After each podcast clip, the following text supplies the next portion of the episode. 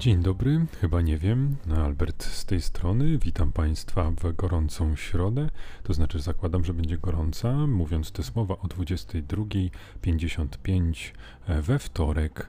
E, taka, taka magia, że teraz mogę się zabawić we wróżkę i tak wzorem prognozy pogody, którą widzimy na antenach telewizyjnych, przewiduję, czuję przez skarpetki, że będzie to upalny, słoneczny dzień, który wielu, którzy udadzą się na piknik, dostarczy pozytywnych wrażeń, a innym, którzy będą się tłukli komunikacją miejską do pracy, dostarczy jedynie znoju, rozczarowania tak samo jak rozczarowała mnie moja wczorajsza postawa.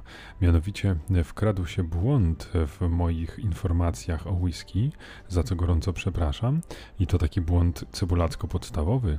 To znaczy te ceny, które ja tak sobie rzucałem z rękawa, one są mniej więcej takie, jakie są, tylko że dotyczą standardowej butelki whisky, a standardowa butelka whisky nie ma pół litra, jak nasza obcesowa wódka klasyczna, która płynie w naszych żyłach, tylko ma 0,7 i tego jestem już prawie pewien. Prawie. E, w każdym razie e, na pewno się to od, odnosi do um, Diwars, czyli tej e, whisky, którą ostatecznie polecałem jako tanią, a jednocześnie w miarę smaczną. I tutaj ko konieczne wyjaśnienie, tu również errata właśnie w moim wykonaniu już nastąpiła, bo ja mówiłem przez cały odcinek Diwarts Dołożyłem tam T jak Tomasz, podczas gdy to jest po prostu Diwars. I Tomek w tym przypadku odjechał w siną dal razem z innymi kolegami, e, przewoził jakieś e, towary w kolejnym odcinku e, Tomka i przyjaciół. Swoją drogą to jest taki zmarnowany potencjał, bo jakoś tak z założenia, no nie wiem, e, tak pałam sympatią do tych brytyjskich bajek, ale akurat Tomek mnie nie przekonuje. To znaczy, rozumiem, że nie jest to jakoś szczególnie głupia bajka, teoretycznie te postaci są sympatyczne, ale jednak narysowane są w jakiś taki nieprzyjemny sposób. Do tego twarze, naprawdę twarze doklejone do lokomotyw, przecież to można potem mieć naprawdę solidne koszmary. Ja się dziwię, że dzieci nie patrzą na to i, i na przykład nie chowają się pod łóżko. Dla mnie to jest przerażające. E, jeden z fanów gry Sekiro kiedyś napisał mod, to znaczy może to była grupa, nie wiem. W każdym razie zrobili taki mod, że zamiast pewnego węża, który tam się pojawi gigantycznego, mamy do czynienia z wyjątkowo przerażającym, zdecydowanie bardziej przerażającym niż jakikolwiek wielki wąż, gigantycznym Tomkiem taką długą lokomotywą z tym uśmiechem, która oplata góry i atakuje gracza. No coś strasznego. Do dziś mam koszmary, a wiecie, drodzy Państwo, gdzie jeszcze zabrakło erraty? I tu naprawdę nie ma nic śmiesznego, jest to przykra sytuacja z, z świata sportu. E, pewnie się Państwo niektórzy domyślają, o czym chcę powiedzieć. E, zbliża się olimpiada i na tą olimpiadę wielu zawodników przygotowuje się latami. To jest e, bardzo specyficzny sport lekkoatletyka i pochodne i w ogóle to, co spotyka się na olimpiadzie, nie, nie do końca tak jak gry zespołowe, które mają swoje różne mistrzostwa e, takiej czy innej rangi, zawody na bieżąco każdego roku, no to oczywiście w przypadku e, takiego pływania takie zawody również się odbywają, ale nie mają aż takiego prestiżu i, i takich pieniędzy tam nie można zdobyć i też e, ciężko byłoby zdobyć emeryturę i tak dalej za medale zdobyte właśnie na olimpiadzie. Olimpiada jest takim nadrzędnym celem. W przypadku choćby takiej no nieodżałowanej piłki nożnej, no to to jest właściwie no ważna impreza, ale jakiś taki dodatek do tego cyklu Mistrzostwa Europy, Mistrzostwa Świata. No już nie mówię o zmaganiach ligowych, które dostarczają ogromnych pieniędzy graczom. E, w przypadku e, takich sportów e, właśnie jak pływanie, no to przynajmniej w Polsce te kwoty są nieporównywalnie mniejsze. E, I takie osoby poświęcają bardzo wiele, często inwestują w własne pieniądze, e, pieniądze swoich rodziców, pieniądze swoich e, rodzin jako takich, może biorą czasem jakieś kredyty, trenują ciężko tylko po to, żeby właśnie na tej olimpiadzie się pokazać, w jakiś sposób poprawić swój byt, może złapać kilka reklamowych kontraktów i tak dalej. No można, można w ten sposób mocno sobie pomóc w karierze.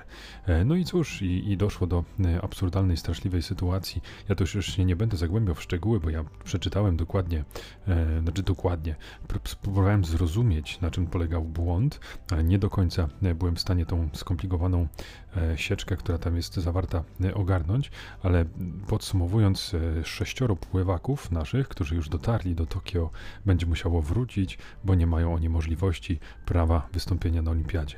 No jest to coś strasznego, jak sobie pomyślę o, o takim nastawieniu, że, że już tak e, dużo się udało osiągnąć, uzyskaliśmy jakieś minimum, mamy to poczucie, jest, jedziemy na tą imprezę, e, może nie będziemy no, rozgrywać jakichś niesamowitych zawodów, e, no być może nie, nie zdobędziemy medali, nie jesteśmy, bo akurat ta grupa to nie są tacy ludzie, zawodnicy, oczywiście z całym szacunkiem dla nich, nie chcę tutaj nikogo obrazić, których byśmy powiedzmy typowali do medali, ale już nie takie rzeczy się zdarzały w różnych sportach, więc występ zawsze daje jakąś szansę na, na dobry, pozytywny wynik. No i niestety przez e, związek, e, czy, czy ja tutaj oczywiście nie będę rzucał żadnymi nazwiskami, nie znam też e, kulisów dokładnie, ale no efekt jest taki, że na skutek różnego rodzaju błędów, tutaj związek się powołuje na związek pływactwa, na, na skomplikowanie tychże przepisów, no ale to jest powiedzmy jakaś okoliczność łagodząca. Natomiast co do zasady, z punktu widzenia zawodnika, no to to jest coś strasznego, bo zawodnik ma po prostu dowieść wynik, a organizacja, która się nim opiekuje, powinna dołożyć wszelkich starań, żeby taki zawodnik skorzystał z tego, co się mu należy. No i jest, sytuacja jest taka, że e, dostali ciastko, zabrano im ciastko i, i ja sobie na przykład nie wyobrażam na przykład kontynuowania kariery w danym sporcie, który jest e, stosunkowo słabo opłacany e, po, po, takim, po takim zdarzeniu. I jestem tutaj, team zawodnicy, w pełni rozumiem roszczenia, które prawdopodobnie będą kierowali do sądów i, i szczerze mówiąc trzymam kciuki, żeby to jakoś zostało rozegrane, bo to, co mi się strasznie nie podoba w tej sprawie, to właśnie to, że, że jakby no, ten związek tak umywa ręce, e, niby tam przeprasza, ale no, prawda jest taka, że przede wszystkim chcą się wybielić, żeby tylko ich nikt nie pociągnął do odpowiedzialności. No niestety, e, może, może za 10-20 lat e, wychowamy sobie takich działaczy, którzy będą brali odpowiedzialność za swoje działania. Wzorem najlepszych rzymskich urzędników, mianowanych jedynie na rok, którzy inwestowali własne pieniądze, gdy wstępowali na urzędy. Oczywiście to jest e, taka e, wizja romantyczna, bo wielu wstępowało i korzystało ze swoich wpływów, żeby e, się nachapać. A teraz, e, drodzy Państwo, moglibyście przyjąć e, mylne założenie, że e, te wszystkie mądrości dotyczące urzędników i tego, jak funkcjonowali oni w Cesarstwie Rzymskim, to zostały wzięte z annałów historii, zapisanych w grubych tomiszczach, w bibliotekach na całym świecie, w tomiszczach, które są historycznymi zwane, które zostały spisane z naocznych świadków relacji, cenione na całym świecie, przez autorów napisane, których wynagrodzono licznymi nagrodami i zaszczytami. Otóż nie. E, to wziąłem sobie z takiej tak zwanej ogólnej wiedzy, która spływa do nas nie wiadomo skąd i o ile jej nie zweryfikujemy, to jest ona bardzo przydatna. A tak naprawdę to skojarzyło mi się z pewnym zeszytem komiksu, który uwielbiam. Mam na myśli tutaj Asterixa i Obelixa. Tamże była, była taka sytuacja, że jeden z urzędników podzielił się taką wspaniałą mądrością. Otóż e, przybył do niego poborca podatkowy, jakiś jego zastępca e, i przyniósł wór złota, czy raczej sestercji. Przywiózł po prostu wielki wór monet, które zostały e, zebrane z podatków e, z najbliższej okolicy. No i ten, tenże wór został przekazany temu grubemu, wypasionemu urzędnikowi głównemu, który to widać, że dużą część swoich pieniędzy wydał na jedzenie tłuste, niezdrowe, acz pyszne i soczyste, że owoce to on może tam podjadał jako przystawkę, ale taki łudziec barani to było dla niego jak ambrozja, jak przekąska, jak każdy możliwy posiłek. No i tenże urzędnik przejął ten worek i tak dokonał oto podziału. E, wziął garść monet, e, przekazał od razu na ręce swojego wysłannika, następnie wziął kilka monet, które wsypał do takiej śmiesznej małej skarbonki, a resztę worka po prostu wsypał do swojego wielkiego, przepastnego jak własny bebzon kufra. e, i okrasił to wszystko słowami: To dla ciebie, przyjacielu, to dla mnie, a to dla Rzymu. E, no i tamten tak się zmartwił, powiedział: Kurczę, no fajnie, mamy tutaj dużo pieniędzy, ale czy nie boisz się, że zostaniesz w jakiś sposób zdemaskowany? A on mu na to: No, jestem e, tutaj konsulem, urzędnikiem tylko na rok, więc mam mało czasu, żeby się nachapać. I biedak ten swój plan wcielił w życie. Oczywiście, e, jak to zwykle bywa w historiach komiksowych, nie wyszło mu to na dobre. E, generalnie e, polecam Asterixa i Obelixa, tak kompletnie bez kontekstu. Są to komiksy, które są teoretycznie przeznaczone dla, częściowo dla młodszego widza, czy raczej czytelnika, ale zdecydowanie nadają się też dla w pełni dojrzałego i wszelkich stanów pośrednich oraz wszystkich możliwych konfiguracji płciowych oraz różnego rodzaju pochodzeń, nawet pozaziemskich. Uważam, że, że Asterix i Obelix to jest coś, co zawsze warto przeczytać i każdemu e, można sprezentować. Pewnie się mylę, ale ja jestem naprawdę wielkim fanem.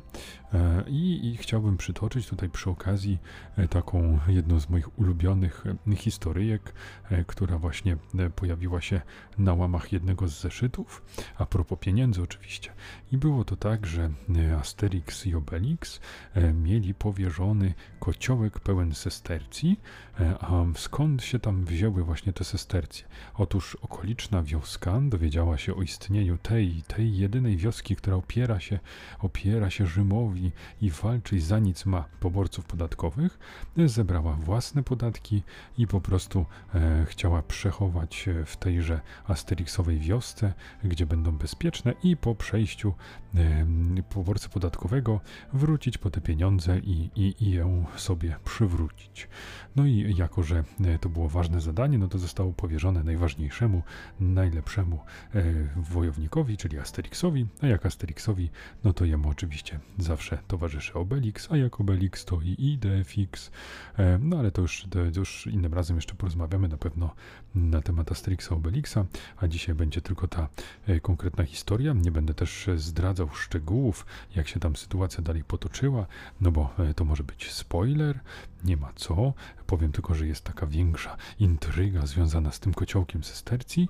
E, I jeszcze szybki komentarz Obelixa, który kompletnie nie rozumiał, dlaczego e, pozbyto się zupy rybnej e, po to, żeby wsypać sestercję na ich miejsce. On mówi, no ale jak to? No przecież zupa rybna jest bardzo dobra, a Asterix mu na to, no słuchaj stary, no ale przecież za to, za sestercję, za tyle sestercji możesz sobie kupić dużo zupy. Obelix w swoim stylu odpowiedział, powiedział: No ale jak to? No przecież po co mam kupować zupę, jak ona już tam była? No i załamany Asterix zaprzestał tych wyjaśnień, ale to przedługi wstęp do historii właściwej. Dość powiedzieć, że te pieniądze zostały jednak skradzione spod czujnego oka Asterixa i Obelixa. No i za punkt honoru oni poczynili, że, że no muszą odzyskać te pieniądze, zwrócić co do monety, żeby uratować dobre imię wioski i swoich towarzyszy oraz oczywiście, e, nie mniej ważne, swoje własne. No i wyruszają oni w podróż, zastanawiają się jak zdobyć te pieniądze. Oczywiście zaczynają od okolicznych e, obozów rzymskich, ale tam się okazuje, że nie ma pieniędzy, nie ma żołdu, e, nie ma szans. Oczywiście są różne perypetie, które prowadzą do mniej lub bardziej zabawnych sytuacji i teraz będzie creme de la creme, czyli moja jedna z ulubionych e, scen z Asterixa i Obelixa, gdzie panowie wpadają na pomysł, że po prostu e, jak to Rzymianie e, pewnie to ukradli te pieniądze i oni tak cisną tą galię, zbierają jakieś za duże podatki, no to w takim razie oni po prostu okradną bank. Asterix, że był to łebski gość, no to postanowił, że przygotuje odpowiedni plan. No bo plan działania jest e, podstawą, żeby można było takie przedsięwzięcie, jak takie zuchwałe przedsięwzięcie, jak napad na bank zrealizować e, skutecznie. No więc udał się do, e, z Obelixem oczywiście do okolicznej gospody, wszedł, podszedł do lady, do gospodarza, no i rzekł do niego mniej więcej tymi słowy. A, dzień dobry, dzień dobry, chciałbym wynająć pokój, a rozumiem, e, jaki pokój pana interesuje, jeśli można, chciałbym wynająć pokój z widokiem na bank. A ten sprzedawca, oberżysta, tak się zdziwił, powiedział, na bank? A Asterix tak popatrzył chytrze, i wypalił. A ma pan pokój z widokiem na morze? No nie. A ma pan może pokój z widokiem na góry? No też nie. No to sam pan widzi, to ja poproszę pokój z widokiem na bank. Na co gość zrobił dziwną minę i stwierdził, no jasne, no logiczne, czemu nie?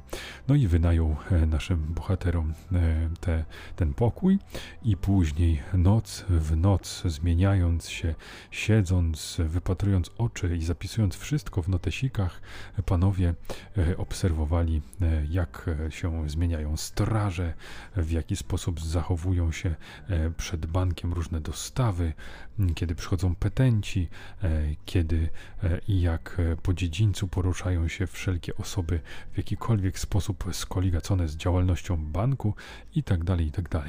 No i to wszystko było gromadzone chyba przez tydzień. W końcu któregoś dnia Asterix uznał, że ma już odpowiednie dane, przemyślał sprawę, porysował różne rozwiązania i wezwał do siebie Obelixa, usiedli i tak Asterix, tak się widać, że się tak nakręca, tak przeżywa, każde słowo go napędza. E, Słuchaj, zrobimy tak, Obelixie. Pójdziemy tam między taką a taką godziną przed piątym pianiem kura, kiedy będzie szósta zmiana strażników. Tych dwóch z lewej zawsze jest zmęczonych, więc jeden usiądzie na ławeczce. W tym czasie drugi e, patrzy na niego i dowcipkuje, więc tu zobacz, Idefix ruszy, zaszczeka, więc my wyjdziemy z zawinkla i gdy zapieje szósty kur, my już będziemy po drugiej stronie płotu. Wtedy będzie trzeba już tylko zaczekać e, 8 minut, by ruszyć wzdłuż muru e, w zaciemnionym miejscu aż do skarbca, gdzie dokonamy e, otwarcia, zabierzemy pieniądze i wyjdziemy niezauważeni razem z e, popołudniową dostawą kanapek. I, I tak zakończył to. Rozumiesz? E, Taki podekscytowany. Obelix na to. Nie, nie rozumiem. I Asterixa tak e, zalała taka fala rozczarowania. Pomyślał chwilę i stwierdził: Dobra, idziemy tam, dajemy komu trzeba po gębie, bierzemy złoto i dajemy drapaka. I tak oto e, piękna historia, smutna dla Asterixa, dla jego intelektu, e, ale e, jakby no, już wyjaśniona dla, dla Obelixa, który bardzo się ucieszył z nowej wersji planu. No i panowie dalej tam już kontynuowali historii. E, Państwu nie zdradzę, jak to się wszystko zakończyło. Polecam po prostu przeczytać e, dowolny komiks z Asterixa Obelixa. Są naprawdę, naprawdę świetne. E, A jeżeli chodzi o ekranizację, no to zróbmy sobie taką, a zróbmy sobie taką polecanką odradzankę. Dlaczego polecanką odradzanka? Ponieważ polecam Misja Kleopatra, a odradzam tę część następną i część chyba poprzedzającą Misję Kleopatry. To jest nie jestem pewien. Wydaje mi się, że to była trylogia. W każdym razie, pamiętajcie Państwo, polecam obejrzeć tylko Misję Kleopatry. To jest film, e, oj, dla mnie osobiście kultowy. E, Widziałem go w odpowiednim wieku, żeby, żeby bardzo jego teksty na mnie wpłynęły. Em, I wydaje mi się, że połowa sukcesu e, tego filmu to jest po prostu fajne twórcze tłumaczenie, fajny dubbing. Nie wiem, jak oryginalne dowcipy się trzymają, ale to, co zostało wykonane tutaj po polskiej stronie, jest rewelacyjne. Jest o tyle smutne, że w kontraście do tych pozostałych filmów, gdzie to zupełnie nie pykło, e, jest humor e, jakiś rubaszny w tych pozostałych, e, niskich lotów, nie ma jakichś takich fajnych filozoficznych odjazdów, takiej jakichś absurdalnych sytuacji, których pełno można znaleźć, jakichś dziwnych monologów fajnych, które są w misji Kleopatrze. No to jest, to jest niesamowite, no. E, Co tam się, co tam się stało? Jest, e, oczywiście, e, nie należy na to patrzeć jako na jakiś film, który e, czerpie dużo z materiału źródłowego. Jest mocno przeinaczony, dziwny, nie ma tego klimatu komiksu i gdyby nie te super teksty, to można byłoby go zupełnie wyrzucić. Fabuła jest jaka jest, całość by się kompletnie nie spinała, ale, ale mówię, dubbing zrobił robotę. Jest tam naprawdę dużo, jest dużo więcej dziwnych, takich fajnych, zabawnych tekstów niż w niejednym polskim kabarecie. Żeby Państwa zachęcić, chociaż podejrzewam, że wielu ludzi, jeśli wierzyć statystykom, e, którzy słuchają tego podcastu, są w takim wieku, że prawdopodobnie również e, w odpowiednim czasie oglądali ten film. Jeżeli komuś się wydawał głupi, e, no bo w sumie teoretycznie jest, ale jeżeli ktoś go odrzucił z takim nastawieniem, to ja polecam się jednak troszeczkę przełamać i, i go sobie obejrzeć, bo, bo te teksty no to są naprawdę mocarne i do dziś pamiętam wiele z nich i je lubię bardzo cytować. No i od, e, żeby, żeby daleko nie szukać, jest scena bardzo pokręcona, taka odrealniona, scena snu, który opowiada jeden z centurionów, opowiada Cezarowi. E, A brzmi to mniej więcej tak. Drogi Cezarze, miałem sen. Aha, aha. Śniło mi się, że wygrałem dużo pieniędzy na wyścigach i kupiłem sobie parę butów, ale jeden był za duży, drugi za mały. Dziwny, nie? I to jest najlepsze, że to jest trochę jak ludzie reagujący na Lesliego, Lesliego Nielsena e, w tych komediach, które są już bardzo głupie, ale które mają też kilka fajnych, dziwnych, absurdalnych scen, gdzie on gada jakąś kompletną głupotę, a ludzie jakby tak reagują takimi minami, o rano, on powiedział straszną głupotę, a jednak e, traktują go dalej poważnie i, i film się toczy. No to tutaj było coś podobnego, no Cezar zrobił jakąś dziwną minę, popatrzył, no co miał odpowiedzieć na taki dziwny sen, ale, ale nie wiem, jest coś magnetyzującego, mi się strasznie ta scena, scena podobała. E, do tego dołóżmy sobie e, na przykład e, te teksty z przeinaczaniem imion. No to, to jakoś tam nawiązuje do, do komiksów, bo w komiksach zawsze są takie śmieszne jakieś słowotwórcze imiona, które nawiązują do funkcji, albo jakoś obśmiewają danego bohatera. No i, i to, to na przykład jest taka scena, gdzie, gdzie ten centurion tak stoi i, i mówi na przykład tak twarde dyskusie. Zniszczymy ich. Albo jakoś podobnie. Chodzi o to, że jest taki, taki mroczny i zwraca się do jednego ze swoich ludzi. A tu nagle takim głosem tamten Antywirus. Co? Nazywam się Antywirus, ale... I to też jest taka scena, która mnie pozostawia obojętnym. Czy, czy na przykład rozmawiają o e, Asterixie, Obelixie i mówią, ten, ten mały miał takie, takie komiksowe imię. Hmm, Spiderix? Ojej, kurczę, ja nie wiem, czy jak to się opowiada, czy ta magia gdzieś tam nie ginie, więc e, nie chcę tu kogoś zniechęcić, ale mam nadzieję, że wśród słuchaczy po prostu jest ktoś, kto tak jak ja e, ma miejsce w sercu wypełnione po prostu pozytywnymi emocjami związanymi z tymże filmem, e, a, a resztę przepraszam za te momenty cringe'u i żenady, ale każdy potrzebuje trochę elementów cringe'u i żenady, prawda? A ja mam tego dużo. Pod dostatkiem, produkuję, można powiedzieć, w co drugim słowie, które wylatuje z moich ust, a uchylić się jest trudno. No ale Państwo sami się, na, sami się na to pisali, włączając podcast, więc nie żałuję. E, kolejna, kolejna scena, już taka mega, mega kultowa, e, gdzie, gdzie pada pytanie, tam e, bodaj druid e, Panoramix e, zapytał e, jednego z, z panów, a powiedz mi, stary, jak to jest być skrybą? A on mu na to. No wiesz, to, to nie jest tak, że dobrze czy niedobrze, bo, bo tak naprawdę kim my jesteśmy, czym jest świat, czym są role, e, czy my możemy przecież e, na przykład kupić pole, zasiać je i na, na, przykład jednego dnia możemy podróżować, innego możemy choćby sadzić marchew. I, i, I to nie jest ważne, czym my się dokładnie zajmujemy, czy ta marchew nam wyrośnie, czy ona będzie smaczna. Ważne jest to, żebyśmy chwytali dzień, żebyśmy każdą chwilę przeżywali. I nieważne, nieważne, czy ja jestem skrybą, I tam jest mniej więcej tak to dalej leci. To nie jest super wierne, bo, bo, bo wiadomo, wspomnienia jakoś podrasowują e, te cytaty, e, no ale w każdym razie mniej więcej tak to wyglądało na to pytanie, jak to jest być skrybą, nie było prostej odpowiedzi. Rewelacja. Albo też e, scena, gdzie, gdzie, gdzie na przykład okazuje się, że na wykonanie jakby planu, czyli odbudowę, czy zbudowanie, nie, to chodzi o zbudowanie jakiegoś pięknego pałacu dla Kleopatry w trzy miesiące. I tam się dowiaduje, e, jakby przekazuje ten główny architekt, który już wie, że musi zbudować ten pałac w trzy miesiące albo zostanie rzucony lwom na pożarcie, informuje właśnie e, Otisa bodaj, tego gościa Skrybę, tego właśnie, który opowiada ten dziwny monolog, informuje go o tym, że, że mają tylko trzy miesiące i tak dalej. Tamten go pyta, a jakie opóźnienie nie przewidujemy żadnych opóźnień, mamy trzy miesiące i koniec. On nie, no to, to, to fatalnie, no to, to w trzy miesiące to ja nie dopracuję mojej maszyny, a tam, jakie maszyny, przecież mnie zjedzą, mam gdzieś twoją maszynę. A on mu na to, no, no nie wiem, stary, co ci mam powiedzieć? A, a architekt, um, kurczę, no, no, no potrzebny jest, jest cud, tak, potrzebny jest cud. A Otis, hmm, nie wiem, co to niby w ogóle zmienia, ale czemu nie? No i dobrze, już nie będę, nie będę Państwa katował. Ostatni, ostatni tekst e, jest e, jakby taki zły.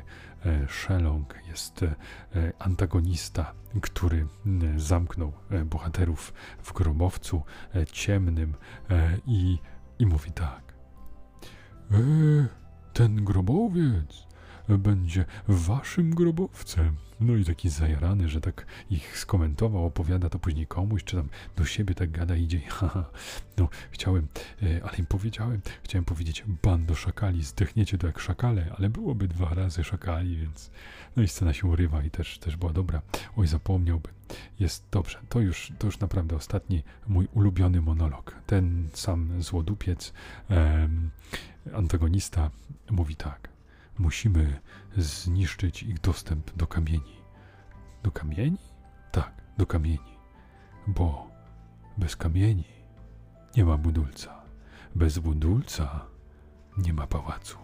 A bez pałacu yy, nie ma pałacu. No doskonałe. Naprawdę polecam obejrzeć misję Kleopatrę i olać pozostałe dwa e, bądź jeden film, które są w tym uniwersum e, nakręcone. E, chodzi mi o te filmy z aktorami. Nie mówię o tych rysunkowych, bo one być może są dobre, ale jeżeli już, no to na pewno trzeba zacząć od, od komiksów. Komiksy są doskonałe i to jest właśnie też ciekawy taki kazus, bo, bo ja na przykład, jeżeli chodzi o, no już dobra, już pojadę, mam dziecko, więc mogę być infantylny, prawda? 되었다. Bo jeśli chodzi na przykład o smerfy, smerfy mają status kultowy w naszym kraju, przynajmniej tak sobie to wyobrażam, e, no i były, byli znani przede wszystkim jako dobranocka, jako taka bajka do oglądania i z piosenką wiadomo. Natomiast e, ja odbieram smerfy zupełnie inaczej. Uważam, że, że komiks smerfy jest doskonały, one są rewelacyjne i bajki nie mają żadnego startu. Znaczy bajki się wydają takie strasznie proste i tak stricte dla dzieci, a komiksy mają gołębie, to znaczy tam też są po prostu takie teksty, które wyraźnie odnoszą się do jakiegoś takiego trochę starszego odbiorcy e, i, i, też bazują na różnych takich e, absurdy, absurdalnych, dziwnych e, scenach. I, I, bardzo mi się podoba, bardzo.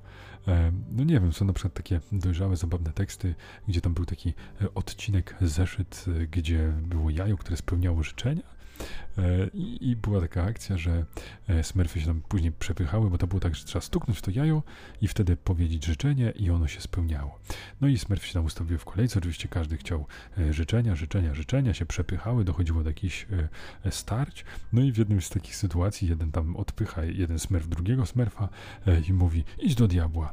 I w tym momencie niechcący naciska, znaczy uderza jakimś tam elementem, który trzymał w ręku w to jajo i jest następny obrazek gdzie jest e, Smurf, taki biedny, stoi, e, widać takie nogi piesa, e, piekło wokół niego i tak, o przepraszam. No i tam później trwa akcja. E, nie będę tutaj też zdradzał. Proszę przeczytać komiks, jest super, e, ale no, no dobra, to nie jest jakiś wielki spoiler, że, że wszystko kończy się dobrze. E, dochodzi do takiego klasycznego rozwiązania jak w bajkach, że rzucone jest takie ultimatywne życzenie, żeby chce cofnąć wszystkie te życzenia, które zostały tu wypowiedziane.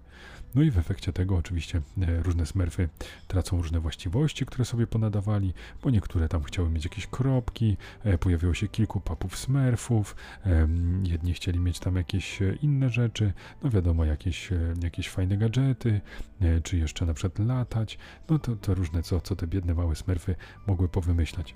No ale oprócz nich wszystkich, tam właśnie jest kilka obrazków poświęconych na to, żeby pokazać, jak one tam to przeżywają i jest nagle jeden taki smerf, który tak paruje, unosi się z, z niego taka para i trzyma jakieś takie widły szatana i tak e, taką maminę e, zszokowaną dotyka ramienia innego smerfa i mówi stary, żebyś wiedział skąd ja wracam.